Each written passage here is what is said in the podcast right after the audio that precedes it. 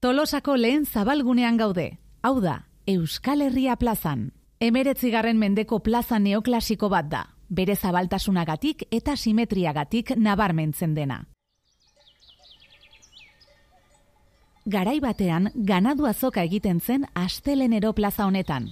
Gaur egun, larun bateko merkatu postuak jartzen dituzte. Eraiki zen lehen eraikina justizia jauregia izan zen, eraikin horren arkitektura gainerakoenaren desberdina da. Erlojuaren gainean, jurisprudentziaren simboloa den balantza dago oraindik. Horregatik, herritarrek justizia plaza deitzen diote oraindik. Jauregia espetxea ere izan zen, bai emeretzigarren mendean, bai gerra zibilaren garaian. Bertan espetxeratu zuten Josemari Iparragirre poeta, Euskal Nazionalismoa goraipatzen zuten abestiak egiteagatik haien artean Gernikako arbola ospetsua.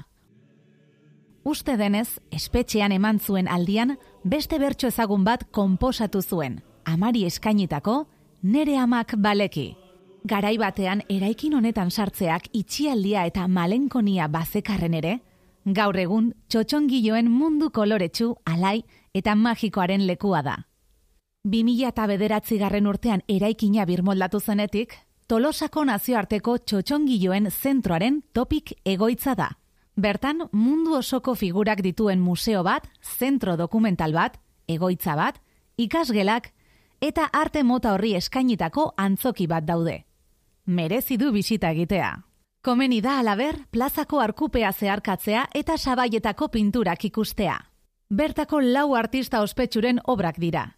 Iñaki Epelde, Jose Luis Longaron, Koldo Jauregi eta Jose Mari Hernández.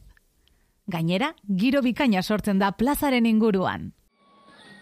Giroazari garela, jaietan funtsezko uneak bizi izaten diren plazetako bat da. Une azpimarragarrienetako bat San Juan eguna da. Egun horretan, eskopetarien konpainia guztiak plaza honetan biltzen dira elkarrekin salbak jotzeko.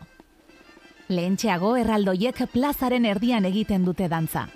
Eta buruan diek berriz, justizia jauregiko balkoietan. Irudi ederra zalantzari gabe. Hasi garen lekura itzuliko gara. Hau da, Triangulo Plazara.